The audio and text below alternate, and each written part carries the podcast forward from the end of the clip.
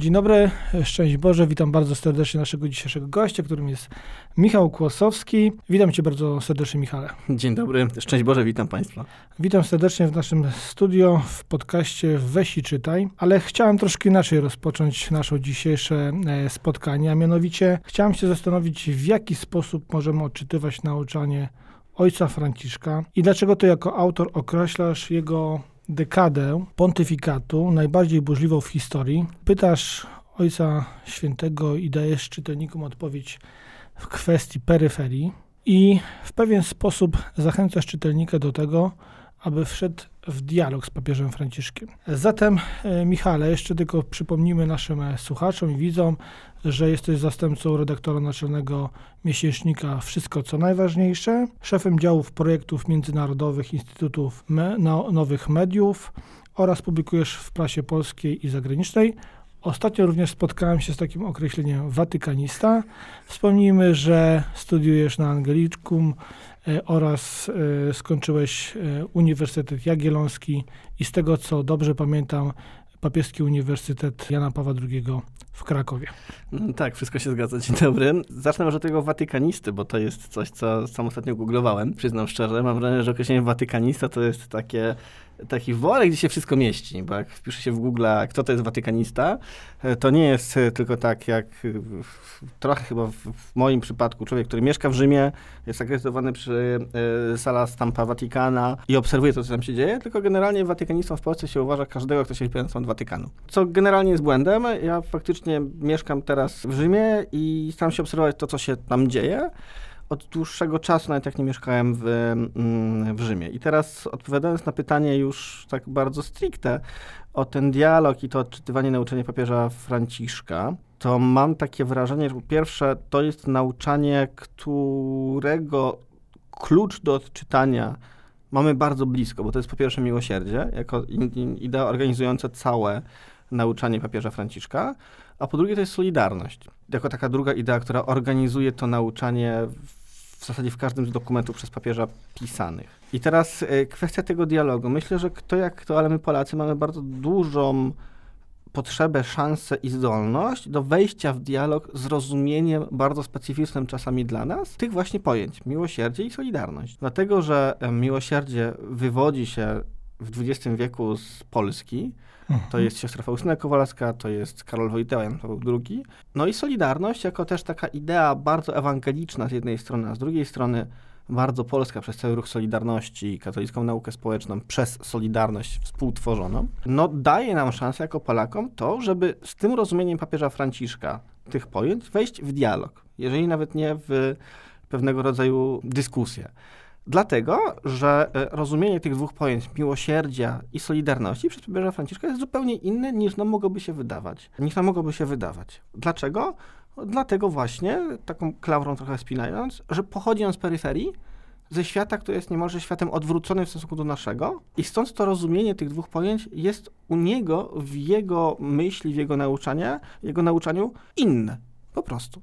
Ale jest to bardzo y, charakterystyczne, o czym mówisz, z tego względu, że Twoja książka pokazuje również dialog Twój, który Ty rozpoczynasz z papieżem, zwracają się w niego w konkretny sposób, bezpośrednio. Ojcze Franciszku i zadajesz pytania, e, więc to jest bardzo e, charakterystyczna taka e, zaproszenie czytelnika do pewnej narracji bycia z papieżem, ale jeśli mówisz o miłosierdziu, to w twojej książce również pojawia się kwestia dyplomacji papieskiej, która jest określana jako miłosierdzie. Ale jeśli popatrzymy na samo miłosierdzie, no to widzimy, że ono jest skoncentrowane na człowieku, na konkretnej osobie i odnosi się w konsekwencji do społeczeństwa. Natomiast jeśli popatrzymy na rozumienie tego, co proponujesz w kwestii dyplomacji, no to dyplomacja ma albo w pewien sposób coś załagodzić, albo doprowadzić do mhm. jakichś interesów poszczególnych grup. Czy tak na to też możemy patrzeć? To znaczy, ja mam takie wrażenie, że po pierwsze, jeżeli mówimy o formie samej książki, to faktycznie ja też długo dyskutowałem z moją mamą, z narzeczoną, z ludźmi najbliższymi, czy ta forma jest e, w porządku, czy jest irytująca, czy może coś wnieść. Faktycznie kilka osób mówiło, że to jest forma nowoczesna bardzo. To znaczy, ojcze Franciszku, to jest do zrobienia, e, ojcze święta, może to inaczej. Tylko, że ja nie staram się dyskutować z autorytetem papieża jako papieża, absolutnie nie. Tylko w samej książce w poszczególnych rozdziałach wskazuje na pewne, po pierwsze, problemy, po drugie wyzwania, a po trzecie kwestie, które może warto spojrzeć czy rozwiązać inaczej. I stąd jeszcze wracając do pierwszego pytania, ta burzliwa dekada, no bo w ciągu tych 10 lat wydarzyło się bardzo dużo. No przypomnijmy, mamy COVID, mamy pandemię, mamy Załamanie wojna na ładu Ukrainie, ekonomia. międzynarodowego, mamy rewolucję technologiczną. I dlatego piszę, że tak burzliwej dekady nie było bardzo dawno w XX wieku w kontekście Kościoła, mimo wszystkich wojen i biorę odpowiedzialność ze słowa, bo mam wrażenie, że stoimy tak jak kiedyś byliśmy w, w ciągu czy w trakcie rewolucji Gutenberga, tak dzisiaj jesteśmy w trakcie rewolucji, rewolucji Zuckerberga. I to jest zupełnie też inna jakość tej rewolucji technologicznej, sztucznej inteligencji. Rzeczy, które teoretycznie z Kościołem i Ewangelią mogłyby nie mieć nic wspólnego, no ale okazuje się, jak się spojrzy na to, co robi Watykan, Rzym, czy w ogóle czym żyją też e, tęgie głowy w wiecznym mieście, no okazuje się, że chociażby kwestia sztucznej inteligencji jest ogromnym znakiem zapytania e, dla teologów, e, dla filozofów, e, nawet dla moralistów. Ale to, to może zostawmy na chwilę na boku, bo wracając do tego, o co zapytałeś, to znaczy do miłosierdzia, mhm. ja tam użyłam takiego terminu jak dyplomacja miłosierdzia. Dyplomacja, której celem jest zaimplementowanie idei miłosierdzia w relacje międzynarodowe. I też stawiam, mam wrażenie, dość jednoznaczną że to się nie udało.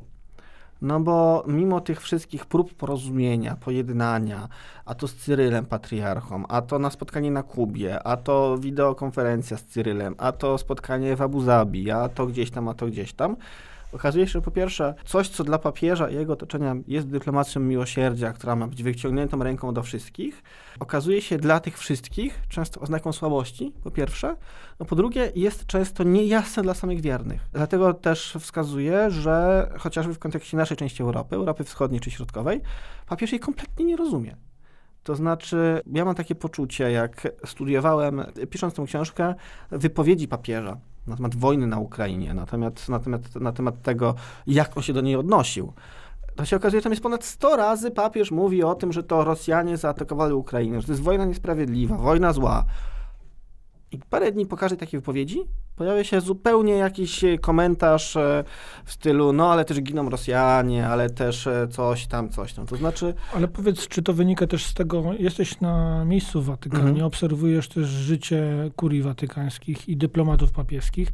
Czy to wynika z tego, że on rzeczywiście nie rozumie tego, co się dzieje w Europie, szczególnie tej w kontekście wojny, czy wynika też z tego, w jaki sposób informacje do niego docierają? Wynika jeszcze z jednej rzeczy, znaczy, i to moim zdaniem jest podstawowa, podstawowa rzecz. Znaczy docieranie informacji to jest inna kwestia, ale tu nie byłbym tak bardzo negatywnie nastawiony, dlatego że Elizabetta Piquet, jego przyjaciółka, biografka, dziennikarka, z którą się zna jeszcze z Argentyny, z którą rozmawia telefonicznie normalnie, jest na Ukrainie. To znaczy na prośbę papieża ona tam pojechała na Ukrainę ten konflikt relacjonować od początku. Jest też kardynał Krajewski, który jeździ tam z pomocą regularną. Kardynał Czerny, kardynał Krajewski i różni, różni ludzi. Moim zdaniem problem z Ukrainą w papieskiej dyplomacji polega na tym przede wszystkim, że papież doskonale wie, że w w jakim momencie historii znalazła się Europa ale jednocześnie ma inne tło tych wydarzeń. To znaczy dla papieża kolonializmem czy kolonialistom zawsze były Stany Zjednoczone, które i jego część świata, Amerykę Południową, skolonizowały, obalały e, władze, hunty różne wstawiały, dyktatorów i tak dalej. A Rosja przez lata od 18 roku, 1918 aż do dzisiaj budowała tam tak silną siatkę wpływu, media, kultura i tak dalej, i tak że to jest świat zupełnie odwrócony. To znaczy, to dla papieża państwem kolonialnym są Stany Zjednoczone, ustrojem zagrażającym integralnemu rozwojowi człowieka jest znacznie bardziej turbokapitalizm i liberalizm niż bardziej społeczne nastawienie i stąd to wynika. I teraz papież, który jest papieżem z Ameryki Południowej, z Argentyny, z Buenos Aires, gdzie doświadczył władzy hunty prawicowej, która zamknęła go, jego jezuitów i tak dalej, i tak dalej, opłacanej przez Stany Zjednoczone, konflikt, w którym bierze udział Ameryka, widzi jako jednoznacznie zły, bo jest tam Ameryka. Nie? I to jest coś, czego my nie jesteśmy sobie w stanie wyobrazić, bo to trochę tak, jakbyśmy mm, widzieli świat zupełnie odwrócony, w odbiciu lustrzanym nie? a jednocześnie papieża mm, polityka w stosunku do tego konfliktu przez to 400, zdaje się, 10 mm, czy 12 dni wojny zmienia się diametralnie. To znaczy, o ile na początku to było absolutnie, absolutnie zagubienie, no to dzisiaj tam są podejmowane wszystkie możliwe rozwiązania, żeby tą wojnę zakończyć. Tylko, że one są niestety nieskuteczne, bo żadna ze stron tej wojny zakończyć po prostu nie chce.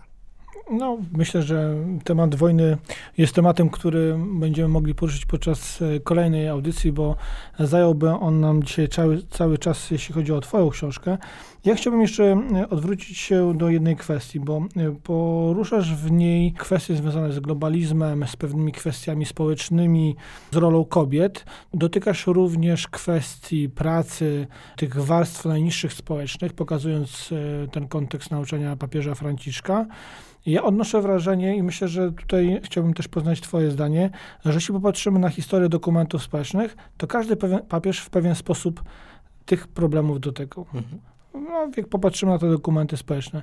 Zatem, co Twoim zdaniem charakteryzuje 10 lat pontyfikatu papieża Franciszka? Jeśli byś miał powiedzieć, co jest takiego charakterystycznego w tych kwestiach, o których e, mówiliśmy, czyli kwestie globalne, ale również coś, co go wyróżnia spośród e, innych, e, innych przywódców czy innych papieży, których, e, których mieliśmy. Znaczy ja mam wrażenie, że jego... E... Jeszcze ci przepraszam, dopowiem, bo ty też w tej w książce pokazujesz pewną ciągłość pomiędzy Janem Pawłem, Benedyktem a Franciszkiem. To znaczy pokazujesz pewną próbę połączenia toku myślenia tych, tych trzech papieży. Tak, dlatego że y, wydaje mi się, że Franciszek nie dotyka na przykład kwestii pracy, tak jak Jan Paweł II jej dotykał. Nie dotyka kwestii solidarności, tak jak dotykał Jan Paweł II, ale chociażby, jeżeli mamy encyklikę Rei Socialis, 1981 rok, o prawie pracy, roli, godności człowieka, to to jest praktycznie praktycznie to samo, co pisze papież Franciszek w swojej chociażby Christus Vivit, gdzie mówi o tym, że nie można mm, wykorzystywać pracy przymusowej i tak dalej, tylko kontekst się kompletnie zmienił. Tak samo, o ile takie pojęcia jak e, solidarność e, można absolutnie inaczej u papieża Franciszka rozumieć niż u papieża Jana Pawła II, no to mostem łączącym te dwa pontyfikatu w, w Caritas et Veritate jest Benedykt XVI, który mówi bardzo jasno, że Solidarność to jest nie tylko Jana Pawłowa opcja preferencyjna dla ubogich, którą Franciszek bardzo jasno, bardzo mocno na piedestał wystawił, ale też dialog międzypokoleniowy, z pamięci cytuję, który y, ma obejmować również stworzenie. I to pisze Benedykt XVI, nie? Mhm. Więc ja bym postawił taką tezę, że Franciszek y, nie ma bardzo mocnych dokumentów, nie ma bardzo jasnych takich właśnie dzieł, encyklik, które my znamy, no poza Laudato Si bardzo głośną medialnie, ale bazuje na tym, co napisali poprzedni e, papieże, z trochę innym kontekstem dzisiejszych czasów, właśnie tym kontekstem globalnym. Bo wówczas, e, kiedy był Jan Paweł II czy był Benedykt, no to kontekst był taki, że był jednoznacznie zły Związek Sowiecki, czyli pozostałości po nim, i dobre Stany Zjednoczone. A dzisiaj się okazuje, że w momencie, w którym ja tak to widzę, to moja opinia, yy, i piszę to tak w książce, jakby kapitalizmowi zabrakło sparring partnera w postaci socjalizmu, nagle trochę się zmienił też świat y, pracy. Kwestia chociażby pracy, która jest pracą przymusową dzieci albo wykorzystywania e, w pracy, albo warunków pracy, która jest e, pracą 24 godziny na dobę niemalże dzisiaj, to wszystko sprawia, że to nauczanie papieża zdaje się być bardziej społeczne, znaczy bardziej socjalne niemalże w myśleniu wielu. Moim zdaniem nie jest. To znaczy, moim zdaniem to jest klasyczny papież, który ma oczywiście skręt bardziej, my byśmy w Polsce powiedzieli, na lewo, ale to bardziej chodzi o tą preferencyjną opcję wobec ubogich, czy wykluczonych, czy peryferii, e, niż o jakieś nie wiadomo jakie mówienie o, co się słyszy w polskiej sferze, komunizm, i tak dalej, i tak dalej. No nie. Zmieniło się otoczenie światowe i przez to trzeba było zareagować, a nie zmieniło się samo, sama treść, e, treść nauczania czy katolickiej nauki społecznej. Ona jest trochę inaczej sformatowana wobec problemów dzisiejszych, ale nie jest zmieniana przez papieża.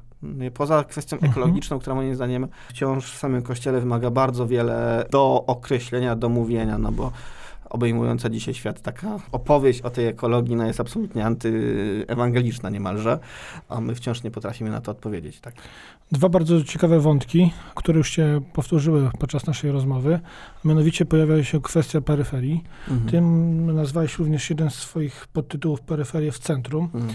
Więc zatem powiedzmy naszym widzom i słuchaczom, w jaki sposób papież Franciszek określa peryferię, w jaki sposób ty je rozumiesz, no i gdzie one są, ale myślę też, do czego nas skłaniają, do jakiej Mhm. refleksji. Mhm. Znaczy, y, ja trochę te papieskie peryferie przypo, przyrównuję do książki Samuela Huntingtona o tym, że konflikty współczesnego świata są już nie tylko konfliktami między państwami twardymi, ale są wewnątrz państw, miast, bloków, osiedli i tak dalej. To znaczy, to jest takie no, bardzo trudne do twardego określenia pojęcie. Czym są peryferie? Mogą być społeczne, czyli wszyscy wykluczeni, ubodzy, biedni, wyrzuceni poza margines e, społeczeństwa. Mogą być ekonomiczne, czyli na przykład ci, którzy nie mają pracy, też byliby według papieża na peryferiach, ale nie dlatego, że nie mają pracy, bo nie, mają kompetencji czy cokolwiek, tylko na przykład nie chcą pracować e, w miejscu, które jest korporacją, która wyciska człowieka przez 24 godziny. Ale są też geograficzne peryferie, no i to jest cały świat niezachodni tak naprawdę dla papieża e, Franciszka. I myślę, że tu leży jeden z głównych problemów w zrozumieniu papieża też w Polsce i w ogóle w Europie. Bo dla Franciszka te peryferie to jest jego rodzina Argentyna, to jest cały rozwijający się szybko świat afrykański, Azja.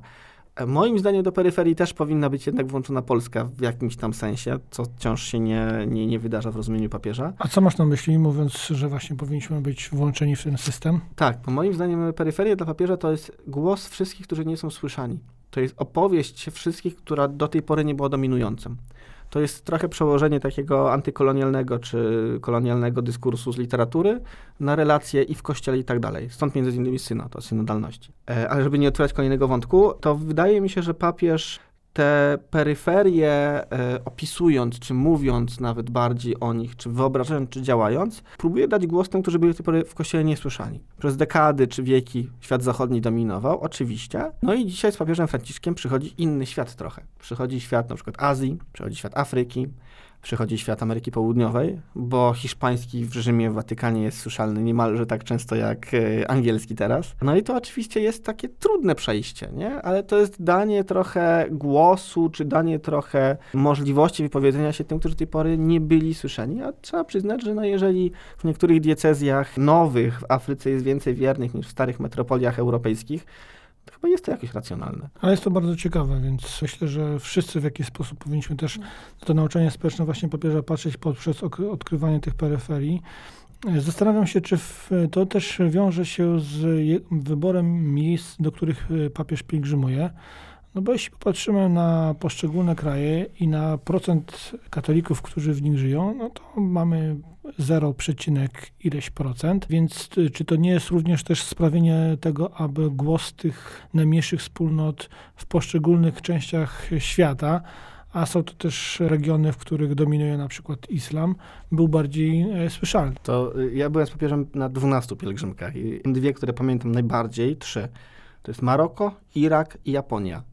I no, nikt nie, by, nie pomyślałby o tym, że no, tam można jechać. Oczywiście nasz papież Jan Paweł II też w niektórych z tych krajów był, to jest jasne, ale to jest ciekawe, bo jak mnie zawsze ktoś pyta o Jana Pawła II, no to y, jego największy wkład w polityczne rozumienie Kościoła to ja nie mówię nigdy o komunizmie, obaleniu komunizmu, tylko o zglobalizowaniu Kościoła. Znaczy właśnie ten, to Jan Paweł II dał pierwszy krok w te drzwi, włożył w tą futrynę i otworzył na przykład dla Meksyku, pierwsza pie- pielgrzymka innych krajów. I teraz papież Franciszek y, depcze dokładnie tymi, tymi samymi y, krokami, y, drepcze tymi samymi kro- krokami, no i jest, nie wiem, w Maroku. Ulicę Maroka pamiętam w Casablance. W Casablance siedziałem w kawiarni na zewnątrz, bo wiedziałem, że w tym miejscu tą ulicą będzie jechał papież. I chciałem zobaczyć, jak to wygląda między ludźmi. Takich tłumów nie widziałem nawet podczas Światowej Dni Młodzieży w Krakowie. I to byli ludzie z całej e, Afryki Północnej, którzy przyjechali do Maroka na papieża, na papieża mówiąc brutalnie, bo wielu nie było w ogóle wierzącymi. W Iraku, kiedy jechaliśmy z moim y, przyjacielem Wojtkiem e, taksówką z jednego miasta do drugiego, ja siedziałem z tyłu, pisałem tekst, Wojtek siedział z przodu z kamerą, e, rozmawialiśmy z kierowcą i ten kierowca powiedział tak, nie, nie, ja w ogóle, tak, nie, urodziłem się w kulturze muzułmańskiej, ale ja w ogóle jestem, nie, nie, nie, nie wierzę i tak dalej. Sekularyzacja okazuje się dotyka nie tylko świat chrześcijański, europejski, ale cały świat. Ale w momencie, w którym Wojtek zapytał, no tak, a wiesz co się dzieje? No tak, przyjechał papież Franciszek. My tacy zdziwieni, jak to papież Franciszek?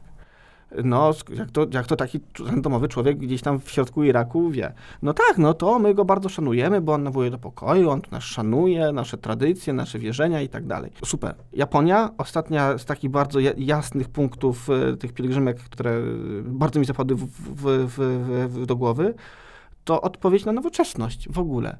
Ztechnologizowane, zindywidualizowane społeczeństwo japońskie i nagle papież się tam pojawia, gromadzi tłumy wiernych, y, znajduje się, spotyka się na uniwersytecie prowadzonym przez jezuitów, Sofia University w, w Tokio, daje bardzo fajne świadectwo tego, że może istnieć nowoczesność i wiara i one wcale nie muszą się znosić. Nie? I to są doświadczenia tych grup małych chrześcijan często, małych grup chrześcijańskich, które no, nam są bardzo potrzebne. Trochę po pierwsze, żeby wyjść z naszych takich ram myślenia, a po drugie, żeby się czegoś nauczyć. Nie? Bo jeżeli coś charakteryzuje też ten pontyfikat, to mam wrażenie, jest taka potrzeba nowego nauczania problemów, z którymi się wiara mierzy w dzisiejszym świecie. Nie? To znaczy, nie chodzi mi o nowe nauczanie. Absolutnie nie. Jest Ewangelia, jest magisterium i to jest oczywiste dla wszystkich. Poza pewnie kościołem niemieckim, który rządzi się swoimi problemami, ale świat się bardzo, bardzo zmienił. Rewolucja technologiczna, społeczna i to wszystko, co się dzieje. Papież jeżdżąc w takie kraje jak Japonia, Maroko, Irak, Panama, y, czy ostatnio Kongo, pokazuje, że my jako ch- katolicy, chrześcijanie na świecie możemy się od nich czegoś nauczyć, no bo oni mieli doświadczenie z problemami, którymi my się na przykład dopiero mierzymy. To nie jest problemem, żeby się nauczyć teraz czegoś od człowieka z Japonii na przykład. Nie? Jest internet. Więc myślę, że to też trochę taką, taką rolę spełnia. O ile jesteśmy przyzwyczajeni do dokumentów, encyklik i rzeczy, które z poprzednich wielkich intelektualnych papieży mogliśmy wyjąć niemalże, to ja nie wiem, czy nie jest tak, że papież Franciszek uznał, dobrze, jest do czytania świętego Tomasza, Augusta, y, Au- Augustyna, świętego Tomasza, Augustyna, po Jana Pawła II, Benedykta, mnóstwo do czytania. Ale my musimy dać świadectwo. Nie? I te małe grupy chrześcijan pokazują, że świadectwo jest też w miejscach, które są po prostu chrześcijaństwu nieprzychylne, tak jak Japonia. Z tego, co mówisz, to już na zakończenie niestety nasz czas e, powoli dobiega do końca.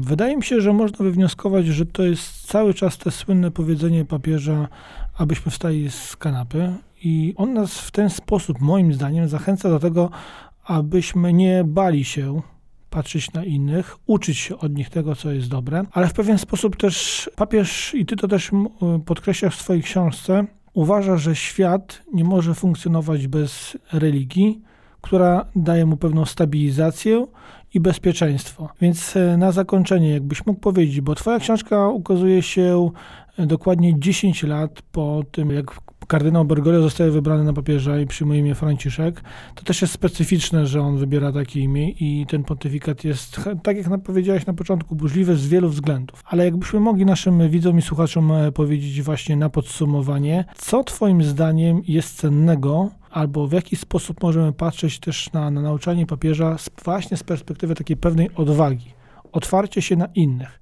bo papież nas tego uczy. Otwórzmy się na innych, nie zamykajmy się, wychodźmy z pewnymi pomysłami na zewnątrz. To znaczy, po pierwsze, ja zawsze wracam do słów Jana Pawła II, nie lękajcie się, bo tam jest jeszcze druga część. Otwórzcie na oścież drzwi Chrystusowi, o czym zapominamy. I mam wrażenie, że trochę do tej drugiej części, wbrew całemu światu, nawiązuje papież Franciszek. To znaczy, nie tylko chodzi o to, żebyśmy się nie lękali, ale żebyśmy otworzyli na oścież drzwi Chrystusowi w taki sposób, że to nie chodzi też o to, żeby się tylko uczyć od tych ludzi, od świata, żeby brać. No nie, bo często świat przynosi właśnie złe rzeczy. Ale jak usłyszymy, e, czy wsłuchamy się w te słowa papieża, no, kwestia komunikacji to jest jeszcze kolejna rzecz, e, ale to on jest często bardzo ewangeliczny w tych słowach. Nie? To znaczy, odwaga to też jest otwarcie się na drugiego człowieka. Tak jak Chrystus się otwierał na jedzenie z celnikami, przesiadywanie z prostytutkami. Nie? To znaczy, to nas to szokuje. To jest skandal miłosierdzia, o którym pisał biskup Ryś. Natomiast e, myślę, że trochę też tak widzi świat papież Franciszek, nie? że jeżeli jest się chrześcijaninem uformowanym, wychowanym w wierze, wierzącym, to nie ma się czego bać. Nie? To znaczy, to trochę tak jak mówił Chrystus, że to, co złe, to nie z zewnątrz, tylko mm, no właśnie, nie? Żebyśmy byli czyści w środku. I teraz jak my będziemy czyści w środku, to wtedy możemy też ten świat oczyścić na zewnątrz, otwierać się na innych. I to jest pewna logika, do której papież, papież na, nawołuje. I stąd też te jego często niezrozumiałe, no otwórzcie się na biednych, migrantów i tak dalej. Nie dlatego, że jest hura, naiwność, optymizm i tak dalej, tylko dobrze, jesteście chrześcijanami, no to to jest wasz, wasz obowiązek, żeby pomóc bliźniemu. Bo chrześcijanin to jest ten, który jest na tyle silny w środku wewnętrznie swojej wiary, przekonań i wartości, że może pomóc drugiemu człowiekowi, kimkolwiek on by nie był. I teraz jakby kończąc jeszcze, moim zdaniem ostatni bardzo ważny wątek, świat bez religii. To znaczy sekularyzacja jest tak powszechnym zjawiskiem na świecie dzisiaj, nie tylko Europa, ale też Azja, świat muzułmański, wszystkie wielkie religie się z tym zmagają dzisiaj. Że mam wrażenie, że papież e, często, i to też może być niezrozumiałe, czy pomyślane jako jakaś słabość tego papieża, stara się za wszelką cenę pokazać, że nie ma świata bez, bez religii. Nie ma świata bez religii. No nie? Bo religia daje pewien porządek, organizuje rzeczywistość w sposób nie tylko horyzontalny, wertykalny, ale całościowy. No jak, jak krzyż ma belkę poziomą i, i, i y, pionową. Więc wydaje mi się, że może jeszcze tych czasów nie dożyliśmy, na szczęście, ale jeżeli dziś obracają się między dwoma wielkimi żywiołami, jakim jednym jest e, technologia, drugim jest natura, które gdzieś próbują wyprzeć wiarę, religię instytucjonalną, taką czy inną, to papież siada okrakiem na barykadzie i mówi nie. To znaczy, no nie, religia jest po to, żeby nadawać sens. Sensu nie nada ani natura, ani technologia, mimo że zaczynacie w nią wierzyć, tam państwo na zachodzie. I stąd też wybór tych peryferii i tak dalej. Natomiast y, tak kończąc, mam takie wrażenie, że mimo wszystko papieżowi się też to trochę nie udaje, dlatego że te jego słowa są często zupełnie na odwrót rozumiane, zwłaszcza w Europie. Chociaż jak się porozmawia z ludźmi z Ameryki Południowej, z Afryki czy z Azji, no to papież Franciszek jest tym jedynym ostatnim autorytetem, który dla nich istnieje. I myślę, że to jest coś, e, czego my w Europie nie rozumiemy, ale to też część jakby zmiany świata, tej burzliwej dekady, która się e, gdzieś ostatnio dokonała. No i papież Franciszek jest takim właśnie papieżem burzliwej dekady. Dekady też zmiany centrum świata, który się przesuwa gdzieś na peryferię z Europy. No i jak to się skończy, zobaczymy. Natomiast e, no, sam papież zdaje się mieć dobre, dobrą nadzieję, bo dużo się uśmiecha przynajmniej ostatnio. Michale, bardzo dziękuję Ci za, za nasze spotkanie, za naszą rozmowę. W jaki sposób to się skończy, to Ty też starasz się w kilku słowach naprowadzić czytelników w swojej książce, szczególnie w zakończeniu. Będzie to nieeleganckie, jeśli będę postarał się Twoją książkę, nasze spotkanie podsumować w kilku słowach. Dlatego pozwolę sobie naszych czy widzów i czytelników odesłać do tej książki, bo oprócz tego, o czym dzisiaj rozmawialiśmy, będą mogli również przeczytać właśnie o nowych technologiach, o ekologii, o tym, w jaki sposób mają właśnie poszukiwać takiego swojego wewnętrznego ładu, który umożliwi im patrzeć na papieża Franciszka, jego nauczanie z troszkę innej perspektywy. Więc y, przypomnijmy tylko naszym widzom i słuchaczom, że książka jest dostępna, jak z tego dobrze co pamiętam, w sklepie Idei.